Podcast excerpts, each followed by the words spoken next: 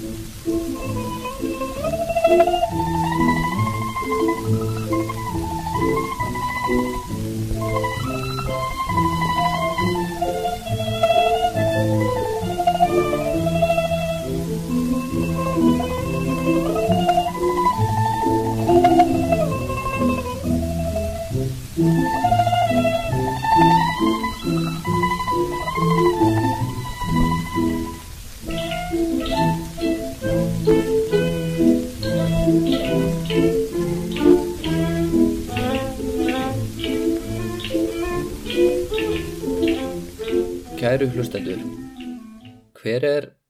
Stærsti og áhrifamesti heimsbyggingur eða hugsuður allra tíma? Frá vestrænu sjónarhóttni væri auðvelt að færa rauk fyrir því að það væri Plató. Aðri myndu kannski benda á lærisveinans Aristoteles, mannin sem markar upp af í vestrætni vísinda hefð. Svo voru það sumir sem gætu haft eitthvað til síns máls þegar þeir bentu á Karl Marx sem, já, ég meina Sovjetríkin voru bísna stór partur af 20 stöld og, og það eimir enn af áhrifum hans í Kína. En það er einn spekingur þetta sem ég tel að hafi haft áhrif á líf fleira fólks, áhrif á stjórnarþætti í landi og löndum í mörg hundruð ára, þúsundir ára jafnvel og hefur ennþá áhrif. Eh, maðurinn sem um er að ræða er Confucius og stefnan sem kendi við hann konfúsianismin. En að því sögðu, hvað er konfúsianismi heila? Er þetta trúarbröð? Er þetta hinsbyggi? Er þetta stjórnmálarstefna eða uppeldisræði? Svarið við öllu þessu er já. Og við lendum í svipari klemmu þegar við skoðum uh, önnur trúarbröði í östri. Við getum lendi í svipari klemmu með daoismann og bútismann. Það er ekki alltaf verið að bóða tildekinn Guð, stundum er bara verið að bóða ákveðina hegðun og það á sérstaklega við um konfúsianismann en við skulum bara hafa því huga að, að, að þegar við byrjum að skilgreina trúabröð út frá trúabröðum eins og þau hafa þróast í, á Vesturlöndum þá eigum við ekki að undra það að trúabröð sem hafa verið við líði í þúsundur ára einhverstar annar staðar smeltpass ekki alveg við þá lýsingum. En af hverju er ég að tala um Confucius í fynda þætti hlaðvarps sem er um sögu Japans? Akkur er Dembi mér ekki bara að ræða Japan á brons og jarnöld og fyrstu konungana eða fyrstu keisarana þar í landi. Þegar Európabúar komist í kynni við löndin í austri á 19. öld og þinguðu þau til þess að opna sig fyrir alþjóðavískiptum með vopnavaldi, þá voru þeir að díla við þrjú ríki, Japan, Kóri og Kína, sem öll voru stýrð samkvæmt konfúsískum kennisetningum. Elitan í þessum ríkjum mentaði sinni sinni í skólum sem kendu þau klassísku ritt sem Konfúsius átti annarkvort að hafa samið eða allavega mælt með og í Kína þá gæt fram í staðin á ofinbjörnum prófum í þessum rítum ákvarðað hvort þú fengir valdamiklar stöður eða ekki. Mér fannst mikilvægt fyrir framhaldið að við höfum nokkuð svona grunnatriðar hreinu og í sögu Östur Asíu þá er Confucius og hans hugmyndafræði svo litið grunnatriði. En, en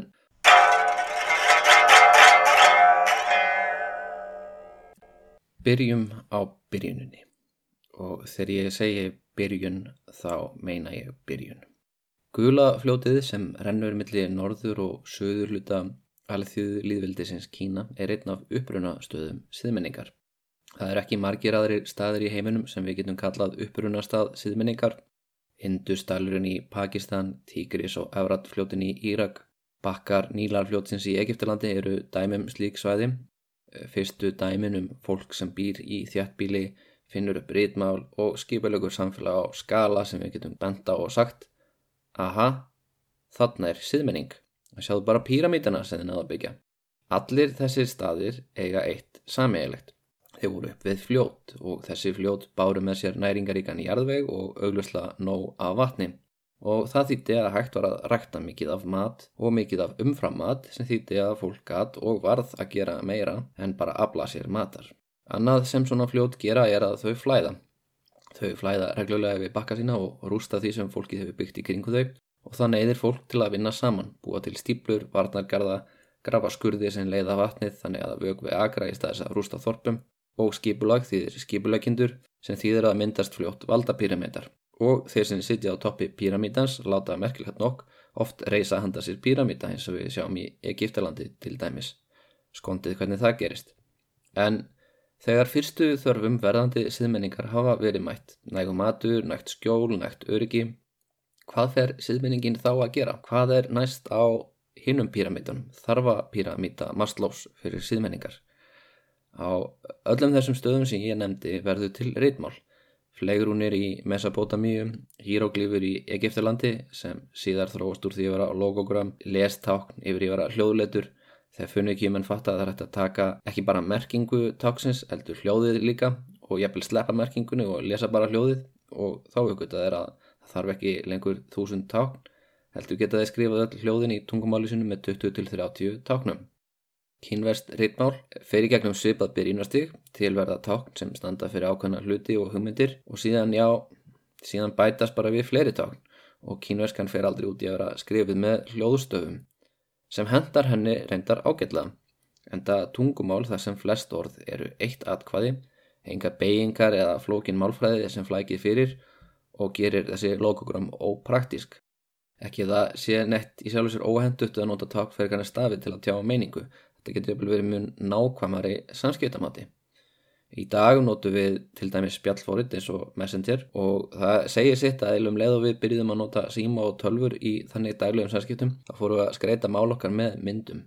Og kannski einfaldast að dæmið er þegar við setjum hjarta inn til að sína okkur líki við eitthvað eða elskum eitthvað en við höfum alltaf haft einhvers konar tákn sem fjöla bara í sér hugmynd. Tökum til dæmis upprópunumverki eða spurningamerki. Kínversk tákn samanstanda af strekum, beinum línum eða skálaga sem stundum mynda tákn sem líkjast því sem þau eru að lýsa. Til dæmis er mánatáknið eilitið mánalaga, það má sjá punta í tákninu fyrir rigningu og snjó sem minnir á úrhelli, táknið fyrir tre minnir mjög litið á greinni tre og táknið fyrir skó samastendur af þremur slíkum táknum. En hvernig byrjar svona rítmál? Elstu dæmin sem við höfum um kínversk tákn voru uppgötuð fyrir tilfylgjun af kínverskum fræðimenni á 19. öll.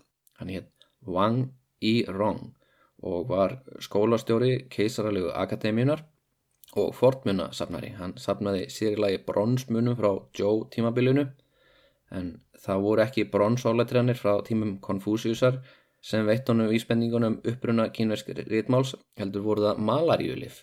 Wang Yirong fekk malaríu árið 1899 og vinnur hans kom með svo kvölduð dregabein til hans. Þetta voru bein sem í aldaraðir höfðu verið mjöli niður og duftið nota til lækninga samkvæmt kínverskri hefð og skólastjórin hefði alveg getað enda á því að innbyrða þau ef ekki hefði verið fyrir að hann hefði komið auga á eitt starra brot með kunnuglegu tákni.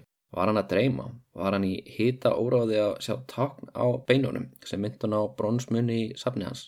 Svo reyndist ekki vera, heldur komið ljós þegar hann kifti fleiri svona drega bein að þau voru svo sannarlega áletrið, oft með nafni og dagsetningu.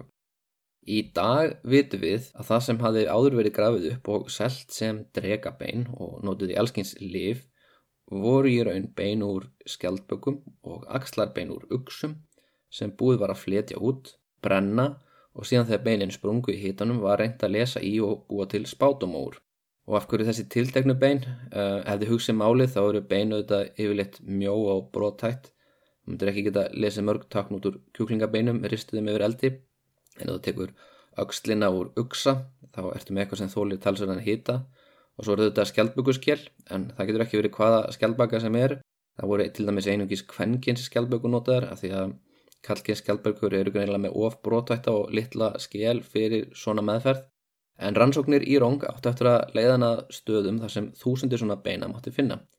Þau voru ekki bara brend heldur áletruð eins og ég nefndi með dagsetningu oft með spurningu líka spurningu sem beininu var ætlað að svara meðan það springi í eldinum og svo nafni spámannsins sem var að lesa í beinin. Þau lágu grafin skamt frá stað sem hefði verið byggður á tímum sjangveldinsins en um, á þeim tíma voru ekki neinar svona sannanir fyrir tilvist þess. Einungis bara gömul söguritt sem sagðu að í Kína til forna hefði fyrst verið Xia-veldið síðan hefði sjangveldið tekið við og loks Joe-veldið. Og Joe-veldið er það nálagt okkur í tíma að við getum staðfest að það var til, þó svo það þekkti enga veginn jafn stort svæð og Kína í dag er, en það náði yfir þjættbílstu svæði uh, norður Kína og stóran hluta gula fljótsins. Joe var nokkus konar lénsveldi þar sem einn maður var konungur að nafninu til. En eins og í Evrópa á lénstímanum hafði konungurinn takmörku völd og í raun voru það fyrstarnir undir honum sem voru sjálfstæðir smákonungar og gerðu það sem þeir síndist og stundum vottiði honum ekki einu sinni virðingu sína. En við höfum samt bambusritt og annala frá tímum Joe og fylgta fordlegum sem staðfesta tilvist þessa lénskerfis og segja okkur sögu þess. En það höfum við ekki frá sjangveldinu. Þegar Wang Yirong hóf leit sína að fleiri dregabeinum vissu menn margt um Joe en það hafði hann sjálfur sapnað ótal bronsmunum frá þeim tíma. Í söguritum Joe tímabilsins var talað um sjang konungdæmið en það var í raun ekki fyrir en Yirong gerir þessa ótrúlu uppgötun að það er einhverja sannanir fyrir því. En því miður þá er hann Wang Yirong ekki nógu heppin að hann fá að njóta afrakstur uppgötana sinna. Bækur hans um drekabeinin að þau væri raun fornir spátumar frá konungdæmi sem var ennþá ósannað. Þær voru gefnur út eftir döðans því að hann framti sjálfsmorð árið eftir í örvendingu sinni þegar boksara uppreysnin misefnaðist því að hann tók að sér að leiða hóp uppreysnamanna í þessari einmitt misefnuðu byltingu. En honum að þakka vitum við að mögulega á rítmál kínverja, kóruðbúa og japana rættu sínar að reykja til spátama sem fengni voru með því að lesa sprungur sem myndiðust í skjálpugu og uksa beinum. En hvað var það sem sjang konungarnir vildu vita?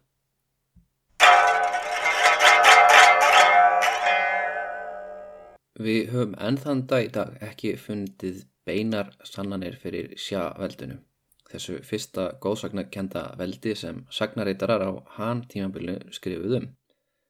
En það er heldur ekki skrítið að það sé erfitt að finna sannanir því samkvæmt þessum rítum var það uppi á milli 2200 fyrir Krist til um 1700 fyrir Krist.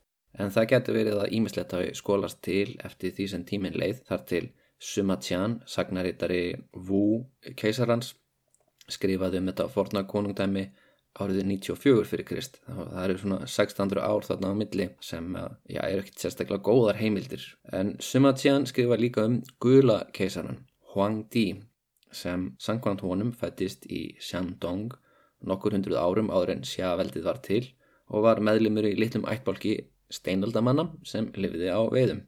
Huang Di lifði í meir en hundruð ár hann fann upp agurirki og kendi ættbálkinum sínum að rækta hirsi, kveiti sojabönir, ham og havra.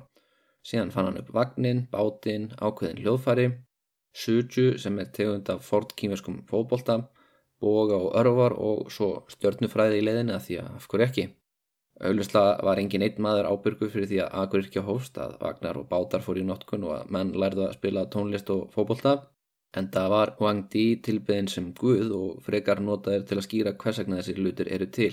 En eftir að hann fór tóku við fjórir aðrir keisarar sem allir eru svipað góðsagnakendir og finna upp hluti eins og læknavísindin, tetrikju og ímest annað sem kynur að til forna kendu við siðmenningu, áður en svo sjálft sjá konungsveldi tók við. Sankvæmt Sumatsjan sem skrifar um upp af sjáveldi sinns 2100 árum eftir að þeir atbyrðir áttu sér stað, Þá gerðist það að Jú hinn mikli stopnaði konundæmið þegar hann aðstofaði ættbolkana við gulafljótið í að skipulegja sig gegn flóðunum sem komu árlega.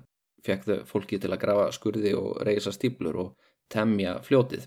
En það rýmar ágætlega við það sem við, við þær hugmyndir sem við höfum í dag um uppruna siðminninga við þessi fornu fljót. Eh, við ímyndum okkur að, að þegar fólk neyðist þess að vinna saman í stærri hópum til að verjast reglubundnum flóðum og móta fljótin sem vögva agrana alla þessa næs agra með hampi og sojabönnum og hirsi og haurum og hveiti.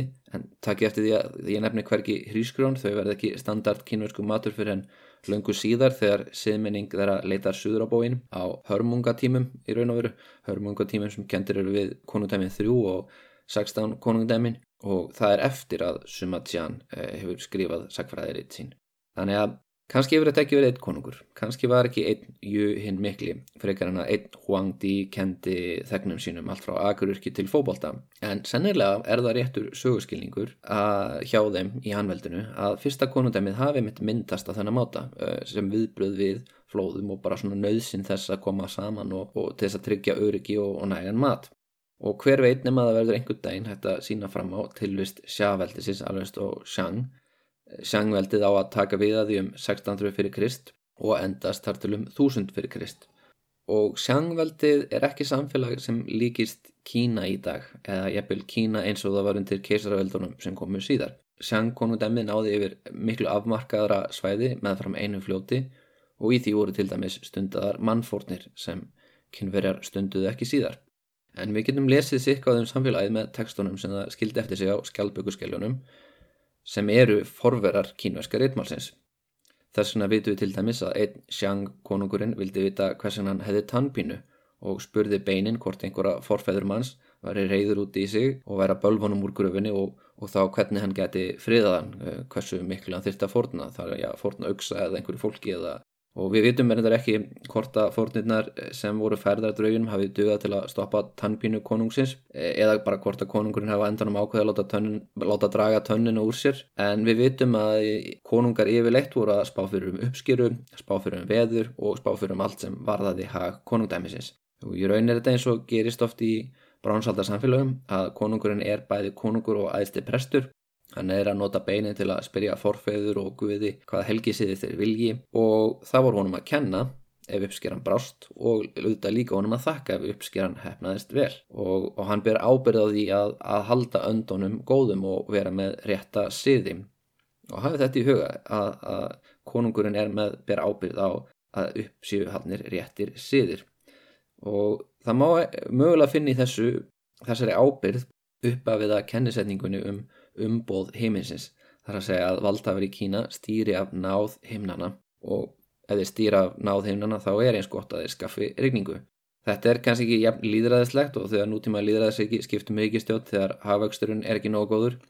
En það var ekki eins og í hvert sinn sem uppskjöru bregst átti sér stað að bændur gáttu gert uppreist sem tókst og skipt út valdhafa. En það gerðist nú oft þess að í þessu mætti finna minnstur og Nú ætlum ég að vitna hérna í Mencius sem er einn af helstu tólkandum konfúsiusar. Fólkið skiptir allra mestu. Allt í góðana sem stýra jörðu og uppskeru koma næst. Síðast kemur valdhafinn. Það er af því að sá sem öðlast tröst fjöldans verður keisari en þegar höfðingi ógnar fórnar alltur um guðana, guðajarðar og uppskeru þá verður að skipta honum út. Þegar fórnardýrin eru vel alinn, fórnirnar reynar og tímanlegar og samt sem áður koma þurkar og flóð þá verður að skipta út fórnar allturunum. Og konfúsinistar litur svo á að þegar uppreysn hefnaðist þá var valdhafinn búin að missa umbóð heiminsins og komin tími á nýja konungsætt. Og þegar hún missefnaðist, þegar uppreysnin missefnaðist, þá var það líka bara sönnun á því að Guðurnir á heimnum heldum með koninginum og okkur bæri einfallega hlýðunum. Það geti því að valdhafinn er aldrei undan þegin siðareglum og það má skipta honum út alveg eins og það má skipta út fórnaraltarinu. En Sjang konungdæmið, það endist 600 ár, misti svo umbóð heiminsins og í stað þess komu konungar Zhou veldisins. Og Zhou var starra ríki, náði yfir meira af gulafljóðinu og fjöllunum þar í kring, en konungur þess sá áfram um að annast helgisiði alveg svo Sjang konungarnir. Og Sjang ættilegan helt áfram að vera til sem kom sér svolítið illa fyrir Zhou konungarna og það segna að telja sem er fræðum en að Joe konungarnir hafi fundið upp á hugdækinu um umbóð heiminsins því þá gætu þið sagt, jú vissulega voru sján konungarnir og aðkomendur mikill að manna en þeir tóku á sínum tíma við af sjáveldinu að það misti umbóð sitt og sjáveldið var jafnvel enn ættgöfura svo það sýnir bara að það þarf meira til.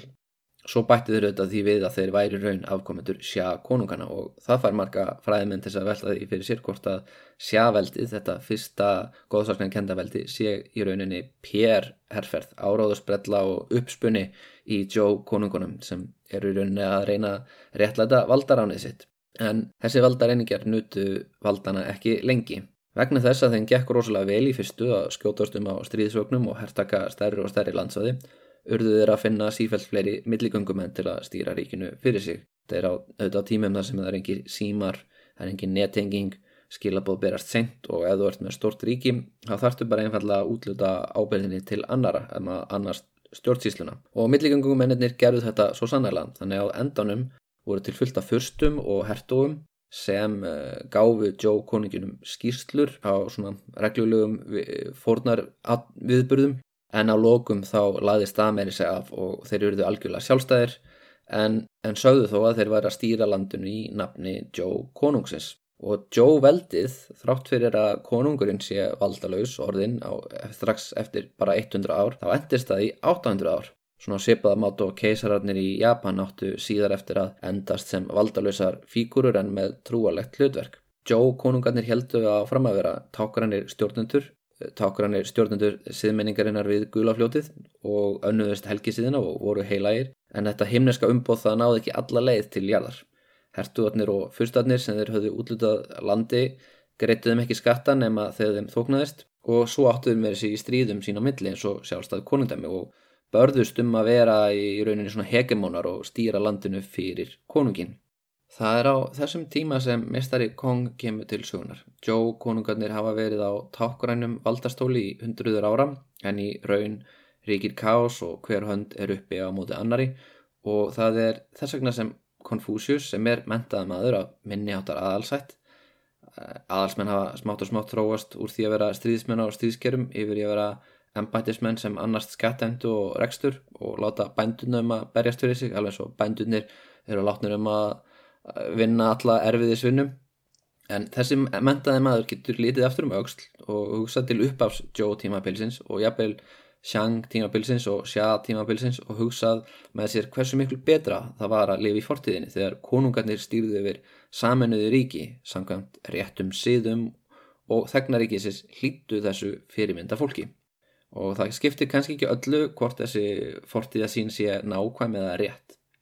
Það sem skiptir máli er að Confucius taldi fortíðina hafa verið glæsta og hann vildi endurvekjana og svo er það líka samingið að þó svo hugmyndirnas eigi eftir að hafa meiri áhrif á líf fólks í meir en 2000 ár heldur en nokkur annar hugmyndarsmiður þá er hann ekki á byrjunapunkti þegar Confucius kemur fram á sjónasviðið er búin að vera siðmenning við guðlafljótið í meir en 1000 ár. Þannig að þetta er ekki uppafið á siðmenningunni sjálfuri en einhver síður uppafið á einhverju nýju. Nýri heimsbyggi sem á eftir að endumóta framtíðina þannig að hún líkist fortíð sem mögulega aldrei var til.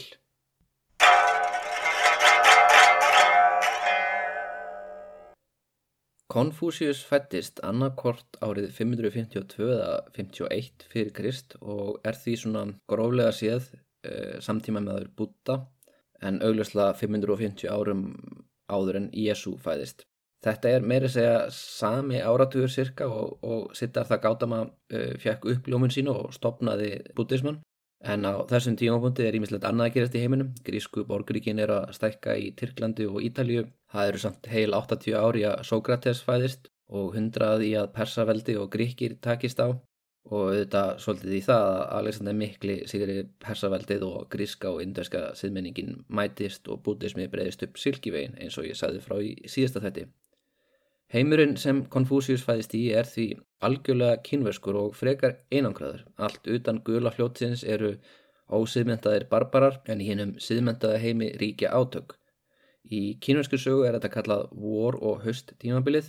Eh, Joe konungarnir ríkja nafni til og flytja helgir í töl meðan hertogar og fyrstar slást innbyrðis um hvaða hertogadæmi hafi yfirunduna fái titilinn Uba sem hefur verið þýtt á ennsku sem hegemón við getum sagt kannski það að merki fórustumadur að vera fremstur meðal jafningja en samt fremstur og fá að stýra fyrir þennan konung innan gesalapa.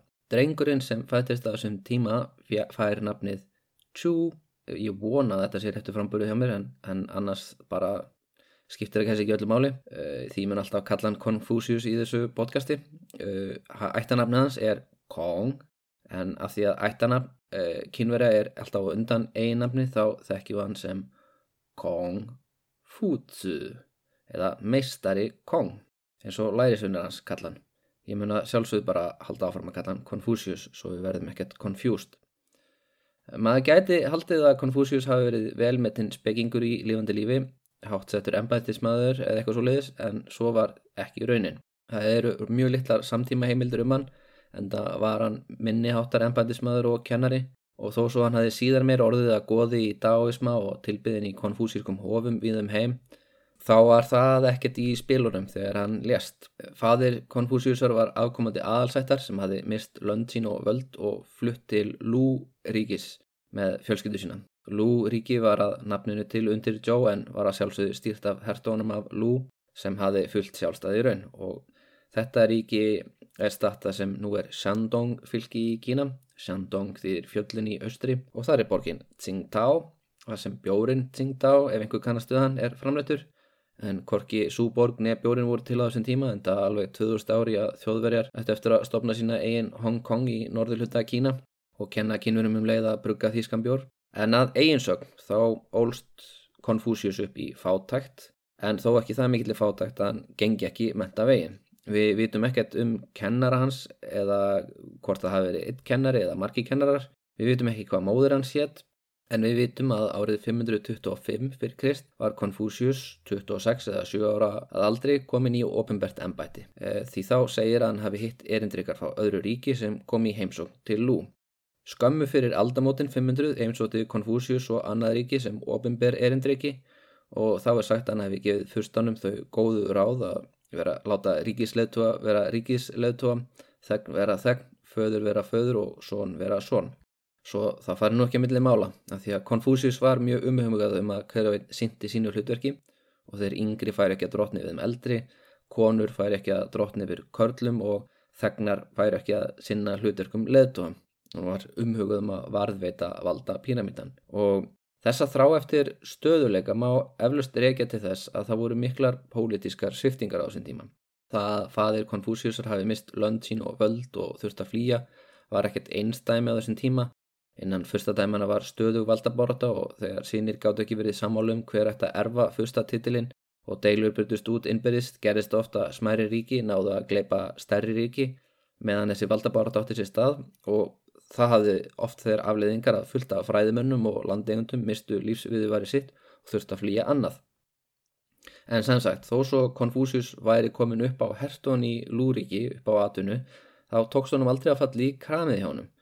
Sérstaklega eh, vegna þess að Ji Kangxi var uppsigað við hann, en Konfúsius gaggrindi eh, hann Ji Kangxi harkalega fyrir framferðið sitt og Það er svo sem við í lægi að það var ekki fyrir það að Ji Kangxi var sá sem hertogina Lú hafi trist í að vera ríkistjóri landsins og Ji-ættin var í rauninni svo valdamesta í ríkinu, lang ríkust.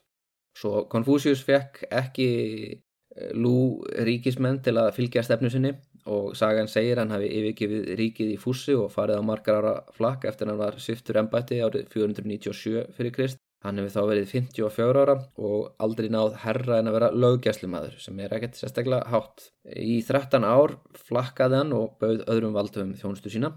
Það var ekkert óalgengt á þessum tíma, það var fullt af flökku fræðimönnum og flökku herrmönnum sem voru af sipuðum aðalsættum og konfúsjus og, og, og reyndu sitt besta að, að við að dett ekki úr því að vera úr lág aðlinum niður í að vera bara allþýða. En Konfúsius hann heimsæki nokkur ríki, hann fekk áherni á nokkur um valdöfum og bauð þeim ráð sem þeir gerðu lítið með. Stundum er sagt að enginn sé spámaður í eigin föðurlandi en Konfúsius gætu verið sagt að hann var spámaður hverki, að minnstu kosti ekki í lifandi lífi. En eftir 14 ára flakk kom hann aftur heim og þá er sagt að valdhafari í Lú hafi ráðfært sig við hann. Aðalega vegna þess að fyrir um lærisveitnans Ran Chu var farin að vinna hjá ríkistöldinni. Hann var hátt settur ennbandismæður hjá G fjölskyldunni, þessari sömu G fjölskyldu og Confucius var svo mikið að gaggrina. En Rancho vildi fá aðstóð Confuciusar við að hækka skatt í ríkinu og það gerði Confucius alveg brjálaðan út í þennan fyrir um lærisvein sín. Og þá mun hann hafa sagt, hann er ekki lærisveit minn því megi berja bumbur og ráðast á hann piltar mínir. Þetta er skri skrifað í, í analektunar. Og að má eiga það að hann, meistari konga, hann er ekkert að sleikja sig upp við valdið minni maður hefði kannski nýtt sér það að læri sett manns væri orðin að eh, komin í gott embætti og ákveði bara að go with the flow og, og, og, og fá gott gig, eh, sem að segja. En vegna þess að hann var prinsipmaður þá var það honum lítið ágengt í lífunum. Hann var ekkert sérlega virtur eða ríkur þegar hann lést en hann átti lærisuna og það er einmitt vegna þess að Konfúsius var ekki ríkumadur en þokkala fróður sem hann byrjaði að kenna og hann er faktist fyrsta dæmið um í sögu Kína, svo vita sé, um mann sem hefur lífsviðu væri sitt einvörðungu af kennslu. Hann er að árið 478 lést Confucius og hafði þá ekkert nema digganhóp lærisveina sem skráði niður orðans handa komandi kynsluðum. En eins og við veitum þá byrja oft stóra stefnu þannig. Karl Marx átti fylgjendur þegar hann lést en ekkert sérstaklega mikið annað Engin þeirra var valdhafi en samt bara 36 árum síðar var framinn bylting í Rúslandi og innan við öld frá andlati Karl Marx voru marxistar við völd í allir í Östur-Európu, Sovjetiríkunum, Kína, Norður Kóru og svo þetta miljóni manna undir áhrifum hugmyndans á Vesturlundum að reyna að komast til valda. Uh, svo er annað dæmi Sókrates sem var látin drekka eitur en er núna samt miklu frægar en allir aðþeneigingarnir sem þinguðan til að drekka eitur því að Plato og Aristoteles tóku hugmyndir hans og gerð úr þeim þar sem við kallum í dag heimsbyggi og vísendi. Þannig myndi áttið eftir að verða með Confucius, ekki bara urðu tilvittnanir í hann að grunnur að stjórnsýslu eins og hann sá fyrir sér, heldur urðuða líka lífsbyggi. Í þúsundur ára voru orðans ekki bara tilmæli um hvernig keisarar átt að stýra ríki sinu. Þetta voru líka hugmyndur um hvernig fólk átt að lifa lífinu, hvernig það átt að koma fram með guði og menn, fóröldra og börn, maka sína og svo framvegis. En hvernig gerðist þetta?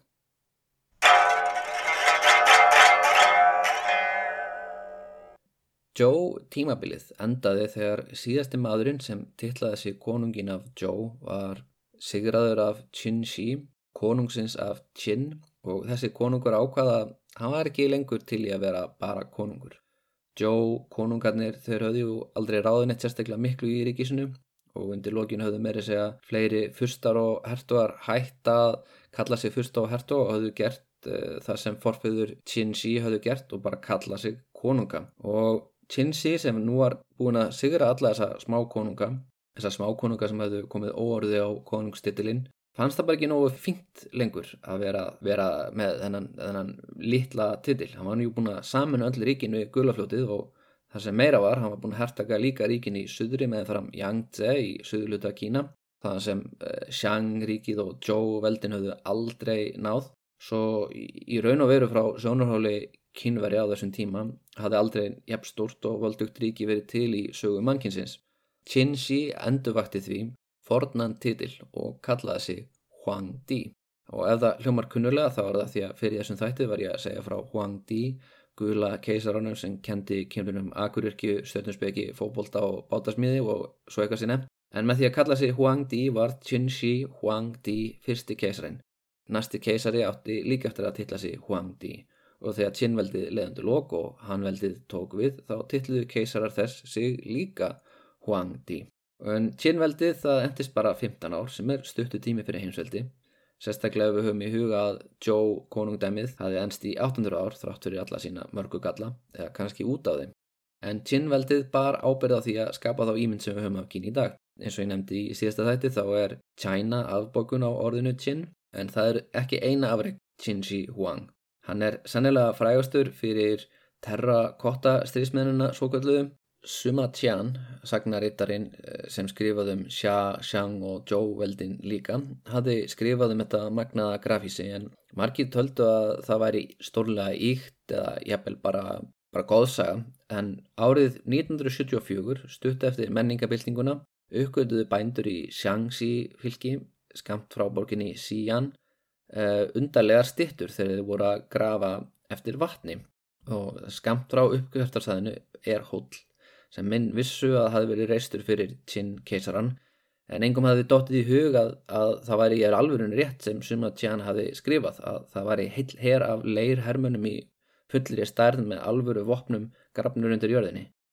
Fordlefa rannsóknir standa ennþanda í dag yfir en í dag er hægt að koma og heimsækja fjórar grifjur Einn inni heldur fótgöngulið, þar eru 6.000 stittur í 230 metra lungum og 60 metra breyðum skurði og það er hægt að sjá menn í mismunandi stöðum innan hersins eftir því hvernig hárgræslu, brinjum og vopnum er hagað.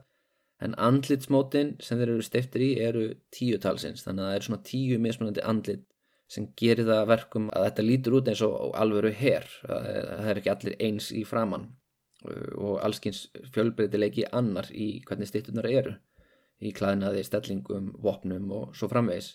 Í næstu grefjum á sjá rittaralið, stríðiskerrur á samt fleiri fókungulegum, í þriðju grefinum á sjá teimi herfóringja, á þennan lóks er komið að fjóruðu grefjunni sem stendur tóm. En það er ekki allt því að öllum líkindum er eftirmynd af höll keisarans í raunverulegum hlutvöllum skamt undan. Skannanir á svæðinu var sínt fram á fleiri stittur eru grafnar innan um neðanjarðar ganga En það er ekki svo einfalt að grafa eftir því því um leið og styrtundar komið í ljós þá skemmast þeir, málingin flagnar af og svo leiðis. Það er byrjað að grotna um leið og það komast í tæri við súrefni og það er heldur ekki ólíklegt að allski skildrur leynist neðiðar, til dæmis kvikasilfursfljót, svo eitthvað sé nefnt. En byggingafrangöndunar á þessu grafísi hófust þegar Qin Shi Huangdi komst til valda í Qin-ríki um 13 ára aldri en þá átt hann eftir að hefja margra áratuga stríð sem endaði á saminningu Kína. Önnur bygging sem hann er þekktur fyrir er Kínamúrin svo kallaði, hann með mikla áherslu á svo kallaði því að það eru fjölmarkir Kínamúrar til og Engan þeirra er hægt að sjá utan úr gemnum nema með mjög nákvæmum sjónögum en sá veggur sem við sjáum oftast á myndum sem Kínamúrin er byggður reyndar af Ming keisurunum, hann er í nákvæmni við Beijing og voru varnir gegn mongólum og mannsjú fólki. En enguða síður þá er múrin sem Qinxi reisti magnað afreg því hann tengdi varnargarðana í norðri sem mörg ólík smáriki höfðu reist á Joe tímabilinu, hann tengir þetta allt saman saman til þess að svona ramma veldi sitt inn En mestu áhrif Qin Shi Huang má finna ennþann dag í dag og í rítmáli Kína. Flestöld fyrsta og hertugadæmin sem Qin-veldið saminniði hafðu smám saman þróa sitt eigið rítmál upprunnulega byggt á beina skrift Xiang tímans en nú var fólk farið að skrifa meirinn bara spátoma og ekki bara á bein heldur bambus og silki og þarna við erum að tala um sagfræðiritt, annála, hinsbyggistefnur, tónlist, ljóðabækur og að sjálfsögðu allt sem er mjög mikilvægt fyrir stjórnsýsluna eins og bókald og skýslur þetta var allt saman ritað niður á margundur ára tímabili ólíkum ríkjum sem, sem þróiðu að sjálfsögðu með sér ólíkar hefðir. En það gekk ekki lengur því að Tinn veldið að sjálfsögðu sett inn nýja staðala og svo skrift sem hafi þróast í Tinn ríkinu varð ofinbært ritmál. Og að sjálfsögðu tók keisarinn líka engar þetta á því að slá mynd og svo mynd sem að slá var líka svona fordami fyrir því hvernig uh, framtíðamyndir í Kína yrðu. En Qin Shi Huang let þetta sér ekki duga. Hann vildi að keisaratíðans myndi marka nýtt upphaf og þess vegna let hann brenna bókasöfn sem nótuðu annað letur og voru með aðra sögutúlkun en fræðumenn Qin ríkisins. Qin var nefnilega stýrt samkvæmt lagahyggjum sem er ásand dáism og konfúsianisma einn mikilvægsta hummyndafræði í sögu Kína En, en lagahyggjunni tókst nánast að útrýma konfúsianismannum því að, að áður en hann hafði náða blómstra því að Qin Shi Huang vildi einfalla bara útrýma öllum hínum heimsbyggi skólunum sem voru í samkeppni við ofinbera stefnu. Svo við skulum núna nýta tækifærið og, og ræða aðeins hvaða eh, ólíku stefnur höfðu þróast áður en við svo tökum meiri fókus á konfúsianismann.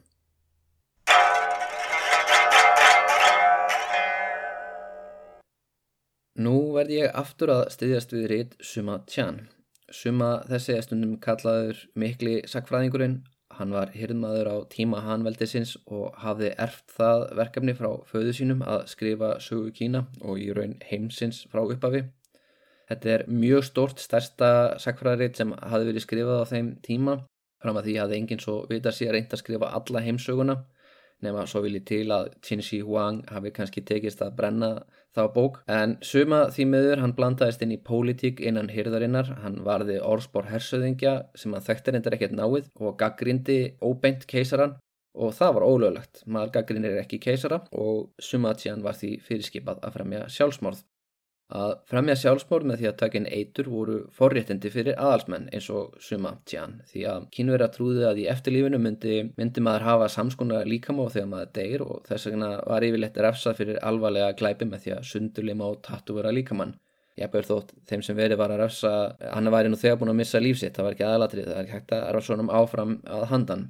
En Suma Tján, hann vildi ekki fremja sjálfsmórð, skiljanlega, ekki strax, hann vildi klára verkefnið sem fadur hans aðið treyst hona fyrir og hann valdi því hinn valmöguleikan sem að sá að vera geldur.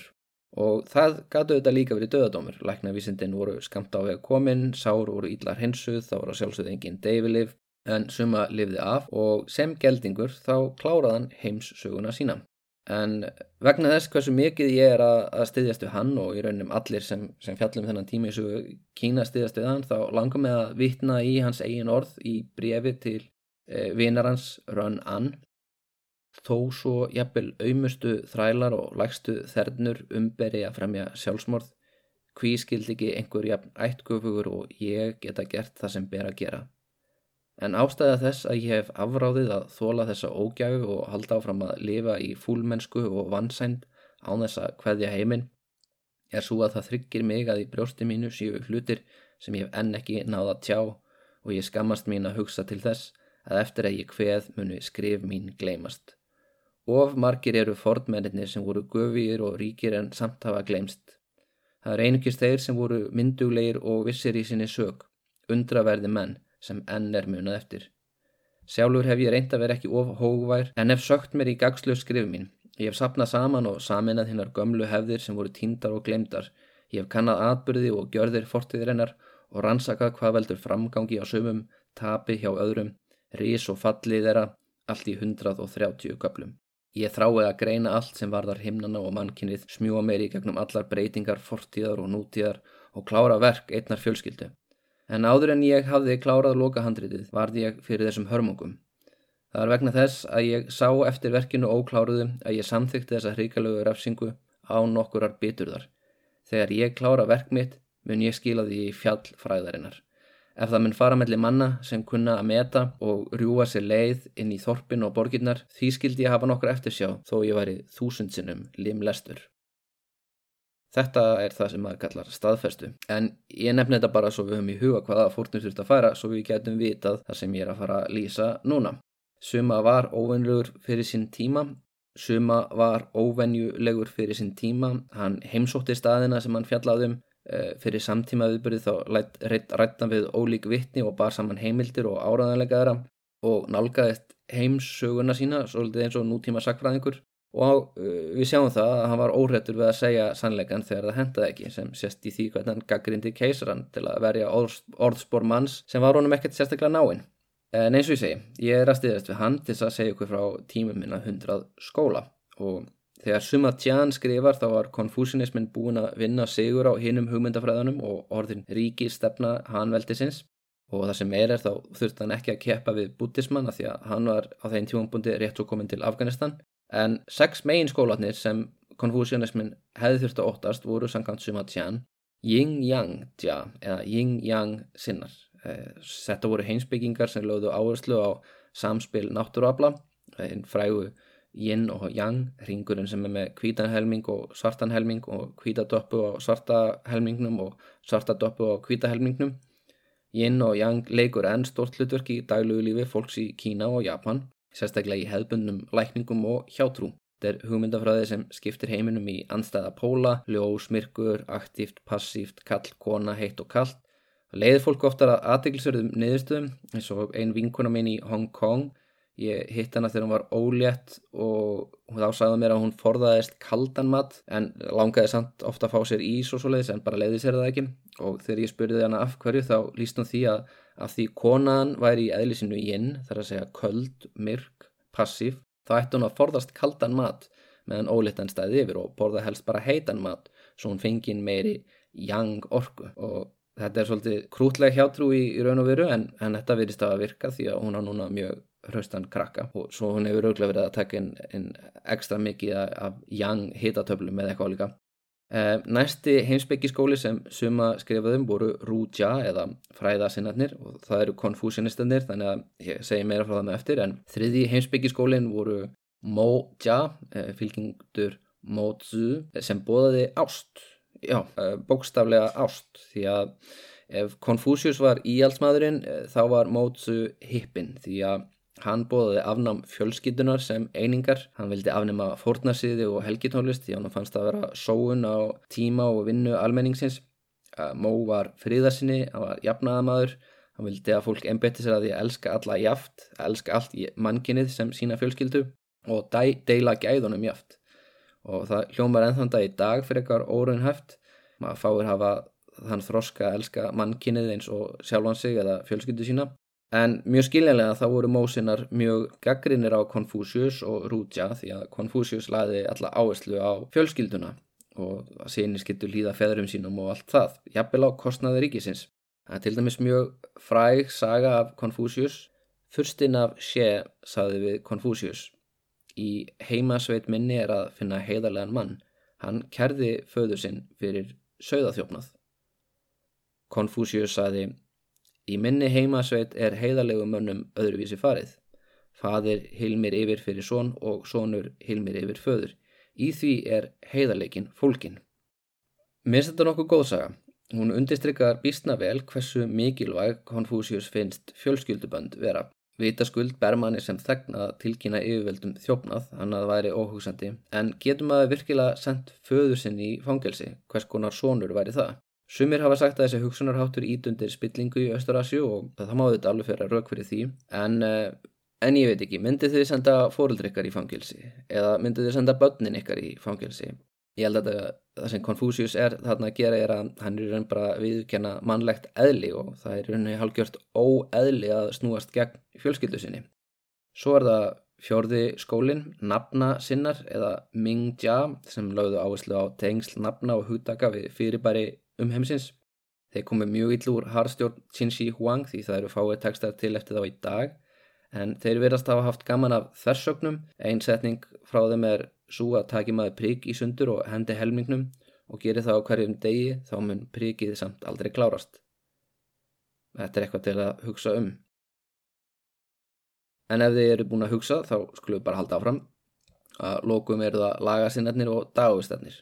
Dagistarnir voru galdramenn, seiðskraftar, særingamenn, líka einbúar í fjöllum, Þetta eru svona leifar af gömlum sjamanisma, náttúrutrú, fjölgiðistrú og þetta rætur sína að reyka til sjangveldisins og mögulega alveg allarleið áttu til steinaldar. En á tímum hérna hundrað skóla þegar Joe veldið er, er uppi þá var til svo kallur heimsbyggilugur daoismi. Það er daoismi sem stuttist við texta eins og Dao Jing eða bókinum Vegin eins og hún heitir á íslensku. Í Ching og, og svo fleiri textar sem tekni voru saman á þeim tíma. Daoistar áttu sinn læri mistara eins og konfúsianisternir og móistarnir eða öll öldur þeir sennilega skálduð upp Lao Tzu til þess að gefa vístómsorðunum sínum einhvern höfund e, því þau eru sennilega ekki komin öll frá einum manni en eitt af þessum daoskuritum byggir á speki Zhuang Zhou og er með hennan frábæra og fræga frasa í nótt dreyndi mig að ég væri fyririldi. Nú veit ég ekki hvort ég er maður sem dreymir að hann sé fyririldi eða hvort ég er fyririldi sem dreymir að það sé maður sem er líka aftur eitthvað til þess að hugsa um. En lagahyggjan var hins vegar svo hugmyndafræði sem komst næst í að segjara konfúsianisman í baróttum hver myndi verða ofinber hugmyndafræði veldisins. Lagahyggjan lagði mikla áherslu á lögklíðni eins og títillin gefur kannski til að kynna. Spekingar hennar búðu mjög stránga refsingar við jafnvel mjög vægum brotum, afglöpi starfi gáttu þýtt döðadóm hún varða ofinberði hugmyndafræði Chinríkisins þegar það var að stækka og uh, Justin Jacobs, professor við American University í Washington, hefur líkt henni við Taylorisma því grunninn þá gerðu lagasinnar Chinríkið að, að mjög effektífri færibandsversmiðum öllum var útlutað ákveðinu hlutverki innan ríkisins, engu var leift að fara út fyrir sitt svið sem þýtti í raunin að Edvards embatismadur sem áttur að sjá um að stimpla bref það var að þitt eina hlutverk. Og ef þú færir á næsta skrippborð að aðstóða næsta mann við eitthvað annað verkefni þá átt ekki að veljuna þér fyrir framtaksemi heldur að refsa þér fyrir það að, að voga þér að fara út fyrir þína starfstöð og þetta var gert af því að séræfingin var álitinn góðu leið til að ná betri afkostum svipað og Taylorismin gerði fyrir verksmiður Henry Ford en líka til þess að útrýma valdabartinu sem plagaði öll hertoga og fyrstadæmi á þessum tíma.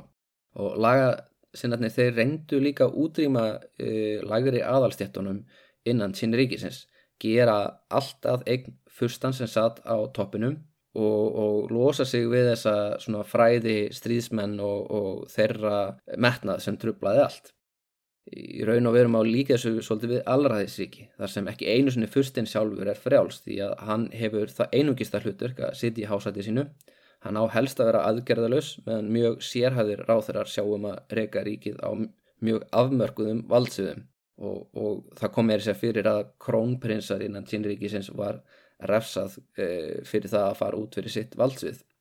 En við getum spurt okkur hvort þetta virki, hvort að óttin við strángar og óhóflega refsingar, ykt sérhæfing og algjör gereðing á, á framtagsemi virki en Tjinnríkið fór úr því að vera eitt af minnstu smá konungdæmanum innan Jóveldisins yfir í að geta upp öll hinn og samina Kína á nokkrum áratugum eftir að lagahyggjan var tekin upp. Svo eitthvað við þetta mótel virkaði og við skulum auðvitað fara varlega að trúa að þetta virkað svona í raun eins og Suma Tjan lýsir því.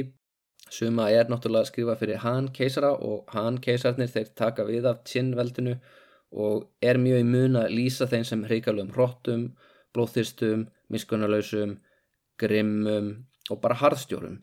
En við fáum sögur frá Suma og fleirum um það að Qinshi Huangdi hafi látið grafa fræðimenn lifandi til þess að útrýma konfúsianismannum og öðrum hinsbyggi húmyndum. Hann hafi brent bókasöfn og refsað öllum undir sér grimmila ef hann þótti framist að þeirra ekki nógu góð. Eftir andlátans eh, stóð uppöflað til að elsti sónur hans tæki við en Stuttu eftir að Qin Shi Huang lést vegna þess að læknar hans gá honum kvikasilurspillur sem áttu að færa honum eilíft líf merkilegt nokk en enduð á að drepa hann langt fyrir aldur fram úr kvikasilursheiturun. Eh, stuttu eftir það þá var framið valdaran leitt af geldningnum Jiao Gao og Jiao Gao þessi var hugsalega afkomandi konunga úr smárikinu Jiao sem Qin veldi hafi gleift og verið geldur vegna glæpa fóreldra sinna. Glæpurnum var auðvitað bara að tilera annari konungsfjölskyttu En, en vegna þess að Jiao Gao var mentaður og lögfróður þá hafði keisarinn látið duga að geldan og gert hann síðan að þræl og falið honum að kenna yngsta sinni sínum, Er Shi. Og ef það hljómar óskinsamlega að slátra allir í fjölskyldu einhvers, rænan öllu sem honum tilerir, þann með talið kynfærum, fel honum síðan að annast badnuppeldi fyrir þig og, og kom honum í mikilvæg stöður innan hyrðarðinar, þá deil ég þeirri skoðun og, og ég held að sagan sem kemur eftir á síni fram á það. Kynverjar til forna sá þetta kannski svolítið öðrum augum. Það var ekki óvelgengt að glæpamenn gætu hafið nýtt líf með því að láta gelda sig. Frá sjónarhóli forn kynverja gatt geldingur ómögulega viljað hend eða völd því að hann var ekki lengur alvöru kallmaður og til hvers að reyna að öðlast auðæfi ef þú átt ekki lengur mögulegan á að eignast sinni sem geta erft eigniðínar En Jiao Gao er frægur fyrir það að hann varði jafnvel ennveri harstjóri en Qin Shi Huang því að hann, atna, hann kemur sem sagt yngri sinunum til valda, losa sig við hann eldri og hann pintar það mikið á óvinnu sínum að, að það þorir engin að andmælunum í einu eða neinu. Og einn saga sem sögður um hann er þegar hann tók dádýrin í keisarahölluna og vildi sína öllum nýja hestin sinn. Einingis Keisarin sjálfur sem satt hann í hásættu sínu spurði hvort þetta væri ekki dátýr og leitt til hirðmanna sinna en það vildi engin andmæla tjá og gá svo að, lókum þá, þá sáðu allir neina þetta er hestur, mjög fallegur hestur. Að lókum varð keisarin reyður, hann bendi á hodnin og, og, og rópar sjáuð, er þetta ekki dátýr? En fólkið þorði náttúrulega ekki annað en að lítið yfir á geldingin eflust öllitið skjálfandi og síðan hrista höfuðið, nei það er hátegn, þetta er hestur og að lókum þá endaði því að keisarinn komst þær í niðurstu að fyrst að allir voru að segja um að þetta var hestur þá hlýði þetta að vera hestur sem Jiao Gao hefði sínt honum. Og þaðan kemur kynvest máltæki að, að, að, að kalla dátýr hest. En, en sagan er náttúrulega auðvitað sínitað um það að hér hefur einhvern tekist að hræða alla hyrðina til hlýðinni við sig og hann veigra sig ekki að pinta fólk fyrir bara minnstu andmæli En slíkt getur kannski gengið fyrir uh, fámenna hyrð en það gengur ekki upp með fjölmenna þjóð. Og það átti eftir að koma í ljós að mjög ströng, bóð og bönn ganga mjög illa til þess að reka stort keisaradæmi þótt að kannski virki innan lítilskonundæmis og gott dæmi það er sagan um Liu Bang. Þið munið eftir grafísnu sem Qinshi Huangdi létt reysa sér með öllum sem terrakotta stríðsmunum Til þess að það var í hægt þá þingað hann um 700.000 bændur í þrælkunavinum og einn af þeim sem bara ábyrða því að flytja þræla til að grafa fyrir neðanjararhöllinni var minniháttar embætismadur sem nefndist Liu Bang. Og hann var fyrir því óhæppi einanóttina að vinnuhópurinn, eh, þessi fangar sem hann átt að flytja að grafisnum, þeim tókst að losa böndin og flýja út í nóttina. Liu Bang vissi að þessi mistökurðu ekki fyrirgefin, allavega hann Samkvæmt bóðum lagahíkjunar er þann tekin af lífi fyrir að snúa tómyndu tilbaka, hvort sem það var honum að kenna eða ekki. Mistök voru það sama og uh, skemdarverk, af því að bókstafur lagahíkjunar var alltaf bókstafur sem tekinn bókstaflega, það var engin afstæðis ekki að hana fyrir innan. En Ljóban gerði þetta bara það sem allir skinnsami menni í hans spórun hefðu gert. E, það langar einhverjum að vera limlestur eða þingaður út í að fremja sjálfsmórð eða skera sér kinnfarinn svo hann flúði sjálfur út í sömu óbyður og þrælatni sem hann átti að flytja og gæðist útlægi og þannig mistu, misti tjinnveldið marga hæfa menn því að ótalmarkir aðrir í sipuðumsporurum og ljóm gerðu þetta sama. Og þetta leiti líka til þess að uppreysnir og spruttu upp í ríkinu og uppreysnaði leiðtógar að sjálfsögum um leið og Ljó Bang þessi var eitt þeirra og hann var einn af þeim slóttugri og hann náði með herrkensku sinni og sjarma að enda sem leiðtógi uppreysnarinnar. Eftir fimm ára borgarastyrjöld tók Ljó Bang sér títilinn Huang Di. Han veldið sem hann stopnaði þætti jefnstort svæði og tjinn frá byrjun og þegar það var upp á sitt stærsta náða langt inn í mið-Asju þannig að hann veldið styrði stórum hluta silkileðarinnar og, og vann sigur á mörgum hyrðingarsamfélögum og komst í kynni við uh, indvesk og grísk konungdæmi kefti af þeim hesta til dæmis þessa blóðsvittandi hesta sem ég nefndi í síðasta þætti en hann veldið var mörguleiti bara fyrirbóðum þar sem koma skildi Tangveldið á 7. og 8. öld var ennstara og Qing veldið á 18. og 19. öld náða endunum að þekja svipað og ég vil aðeins starra svæði en, en það sem er Kína í dag. En öll þessi veldi þau liti á sig sem arftaka hanveldisins og nótuðust við sömu stjórnspeki, konfúsianisman. Svo nú er sannlega komin tími á að við finnum úr því hvað fræðasinnarnir í Rúja eru eiginlega að bóða.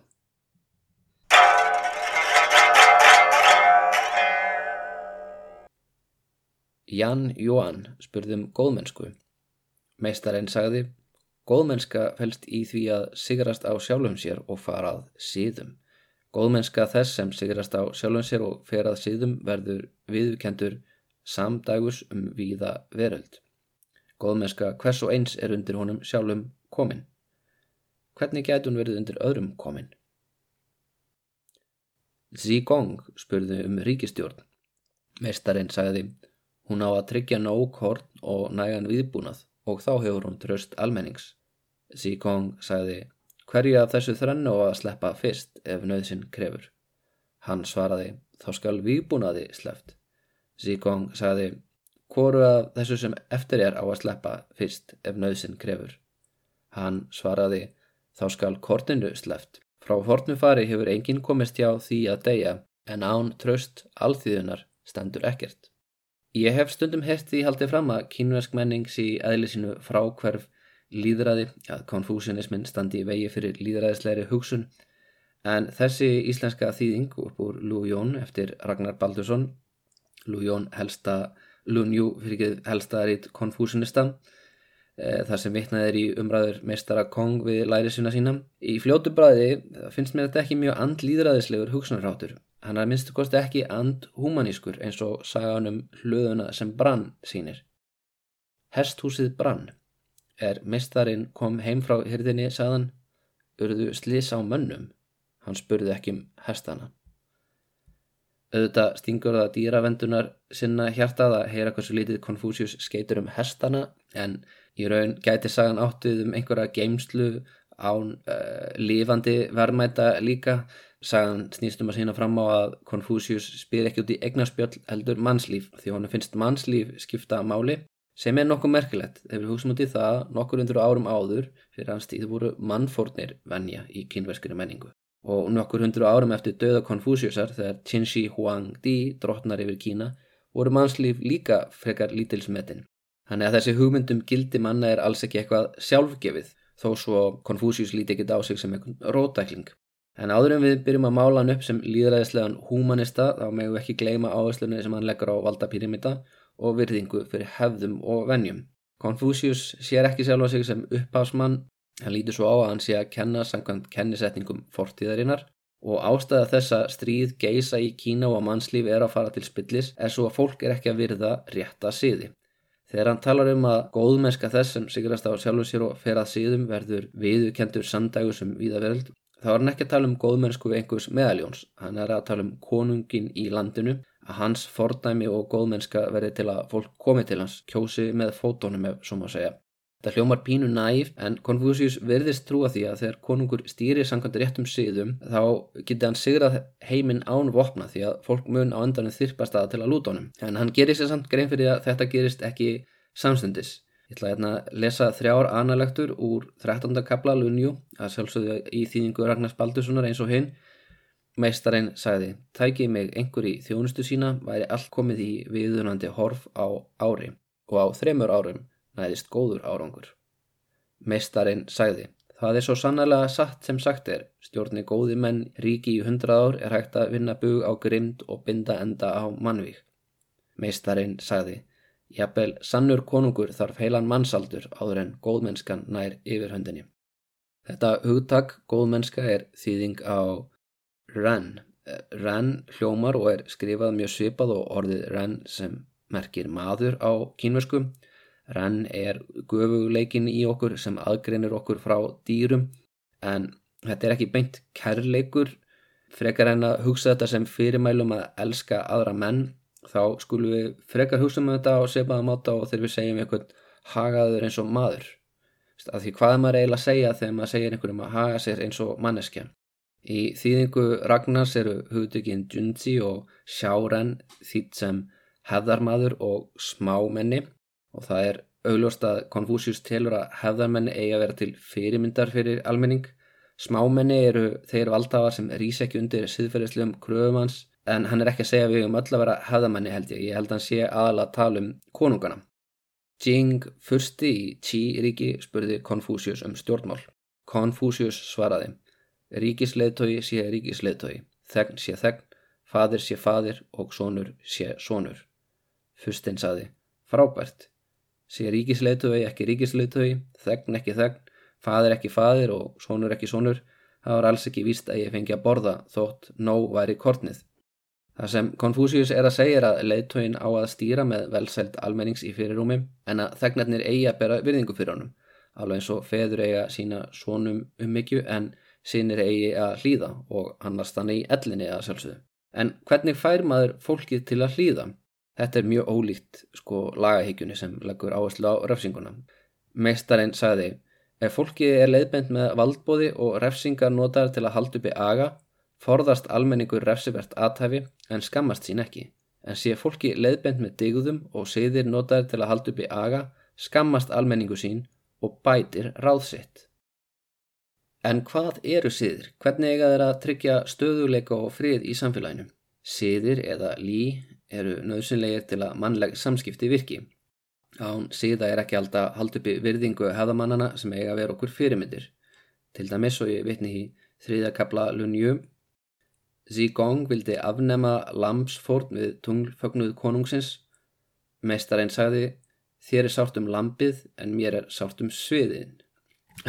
ekki sviðin. Siðin. En skilja alveg öruglingur, þetta er náttúrulega lamp Já, meistarinn saði þér er sárt um lampin en mér er sárt um síðin. Við, við uppaf Joe-veldisins, eins og ég saði áður frá, var tunglfögnuður haldinn og, og fórnar aðtöfn uh, þar sem fyrstar og ljansarar komið til konungsins og fluttu skýslu fyrir hann. En á dögum konfúsiusar voru allir orðni meirið að minna sjálfstæðir og, og, og mættu ekki á fund til konungsins og það eina sem var eftir af þessum fórnarsiði var uh, fórnin á lampinu. Og það er skiljalegt að Konfúsius sjáu eftir siðinum því að hörnur hans sínir að ríkisvaldið er búið að missa tökin á landinu og það er jú ástæða þess að það ríkir ófríður og, og fyrstarnir séu stríði við konanann. Ef, ef þeir myndu nú mæta á þessa fornaratöfn og sína konunginum uh, til hlýðilega virðingum þá myndi fríður augljóslega ríki í landinu. Og nú menn ég auðvitað á að Konfúsius telur sig ekki vera að finna upp nýja hluti. Eh, gilda reglan um að við eigum að gera öðrum þar sem við viljum að aðrir gera okkur sjálfum til dæmis er ekki hans frumlega hugmynd. Konfúsius eh, langar ekkert í frumlegar hugmyndir. Hann hefur lesið forna texta og hann vil miðla til okkar að ef við hugum okkur eins og fólk gerði á þeim tímum þegar friður ríkti, þá munum við endur þess að slíka tíð. Ef konungurinn fer með rétta siði mun hann á endanum ná að leðrita það sem er farið úrskiðis í ríkinu og þá koma fyrstatni til hans aftur. Eh, þar að auki þá töldu kínverðar almennt nýja þekkingu ekki vera til. Það var lítið svo á að allt sem þú þurftir að vita hafi nú þegar verið skrásett í fornurittunum.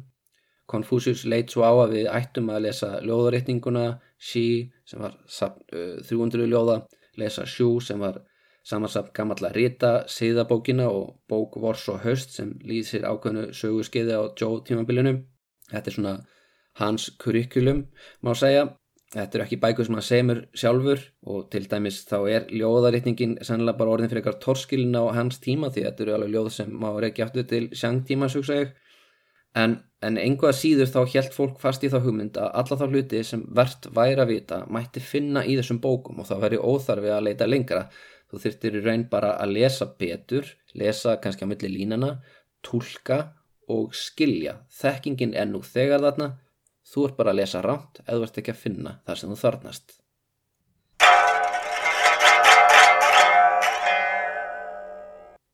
Það er augljóst held ég að svona málsættir eins og ég hef lesið fyrir ykkur bjóð upp á allskynst tólkun og það sem konfúsianismin þarnast alltaf eru konfúsianistar sem tólka innihaldið og hafa skilið tekstan. Dæmum slíka eru Mencius og Shungzi. Eh, Mencius taldi manneskur góðar í eðlisinu og þrá að haga sér rétt. Shungzi eh, leitt svo á að manneskur þurftu aga og kvata til að haga sér rétt, væru ekki góðar í eðlisinum Þessi menn voru uppi nokkur undir árum eftir Confucius og þeir voru líka undir áhrifum annara hinsbyggiskóla. Menn síðan saði sympatíu með móistónum, eh, þessum sem bóðu kærleik og ást á mannkynunu, en Sun Tzu eh, sá menninni í myrkari ljósi og hann sótti margt í lagahyggjuna. Og báðir fundur aukstunning fyrir skoðunum sem í orðum Confuciusar og merkilegt nokk þá gögnuðist tólkanir begja keisurum eh, síðari tíma. Þegar embætismannapróf voru tekin upp í Kína áttu svörin helst að líkjast tólkunum mennsjösar með áherslu hans á mildi. En í praxis þá stunduðu embætismenn keisarans yfirleitt konfúsinisma meira samkvæmt hugmyndum sjundsu. Margir hann keisarar tóku orð konfúsiusar til sín, milduðu dóma yfir glæpamönnum til að verðast ekki vera harstjórar. Þeir bókstastrúuðu, forðuðust stríð og reyndu að lekka skatt á alþýðum eins og þau gáttu Þannig að ef þú væri bóndi fættur á fyrstu öld fyrir eða eftir Krist þá ætti þú helst að vilja hafa keisra sem gleipir sjálfur við þeim konfúsíska áróðri sem annars er beint að þér og á að hvetja þig til að hlýða ríkistjóninni eins og fóreldrum. Konfúsínismi er náttúrulega veist, mjög góður fyrir ríkistjónir. Eh, þú veist, þú vilt að þegna þinnir hugsi leiður ríkisleitónum að vera ríkislauti. Þegn skal vera þegn alveg eins og keisarinn er, er svona föðurfígura og, og, og við öll erum börninans en, en stundum þá fóru konfúsianistefnir út í öfgar e, í síðasta þætti saði til dæmis frá efnarskrísunu sem Wang Mang startaði þegar hann kallaði aftur inn allt gull í ríkinum af því að sangvænt mestara Kong var brons það sem ætti að vera löggild mynd en mestari Kong var auðvitað ekki hagfræðingur og Wang Mang ekki heldur Wang Mang reyndi líka að deil út jarðegnum í ríkinu í aft milli bænda, nokkuð sem uh, var nokkuð fyrirsjánlegt að höfðingjar og stóregna fólk myndi aldrei samþykja og það endaði líka með uppreysn og borgarastyrjöld. Þannig að því miður þá, þá myndi Wang Mang vel, hann, hann var að hugsa um velsæl alþýðunar en uh, það fór illa lokum þannig að hann kom að stað ófriði og óstöðuleika með því að fylgja konfúsianismannum of bókstælega. En undir lok hantímans var Konfúsius tilbeðin sem goð í konfúsískum hofum og þess vegna töluðu oft um hann sem trúabröð því hof tilenguðunum eru viða í Kóri og Kína í dag. Þau eru ekki sérstaklega mörg í Japan en samt stutt Google hjá mér liti mig að þremur.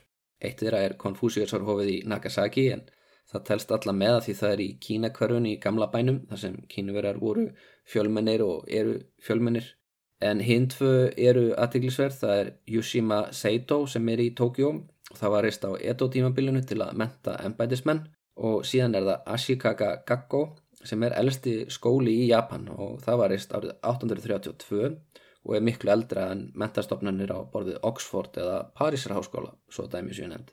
En eins og þið heyrið þá eru þessi konfúsísku hof oftar en ekki skólar líka.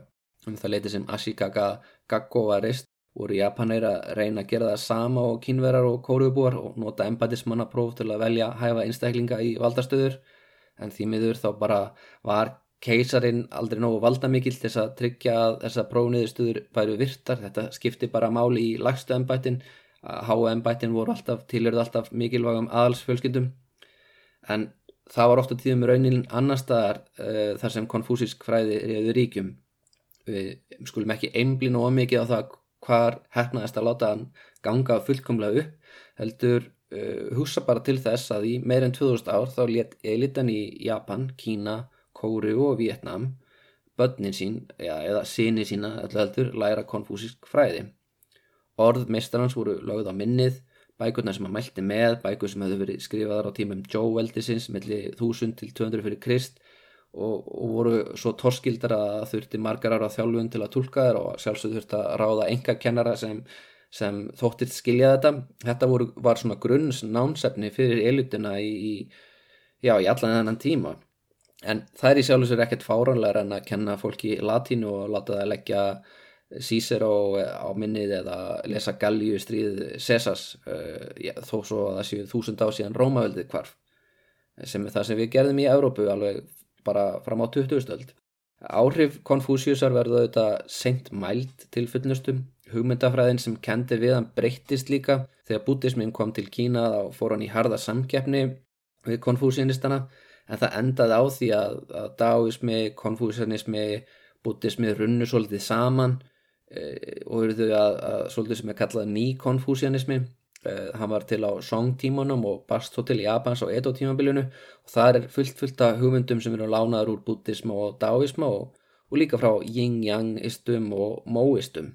En að þessu sinni þá segi ég bara takk fyrir hlustununa og munið. Meistarinn sagði Heðarmenn gera kröfur til sjálfsín, smámenni gera kröfur til annara. Meistarinn sagði Til forna lærðu menn fyrir sjálfa sig en nótum læraðir fyrir aðra. Meistarinn sagði, ef þú gyrnist ekkert stæli enginn frá þér þó hann fengi borgað fyrir það. Ji Kangxi spurði Konfúsius um stjórnmál og sagði, hvernig væri að drepa þá sem er á villugötum og nálgast þá sem eru á réttri leið. Konfúsius svaraði, því þurft að drepa til að stjórna. Ef þú sækist eftir því sem er gott þá verður allþíðan góð. Degð hefðamann er eins og vindurinn, degð smámanna eins og grasið, grasið sveist allt.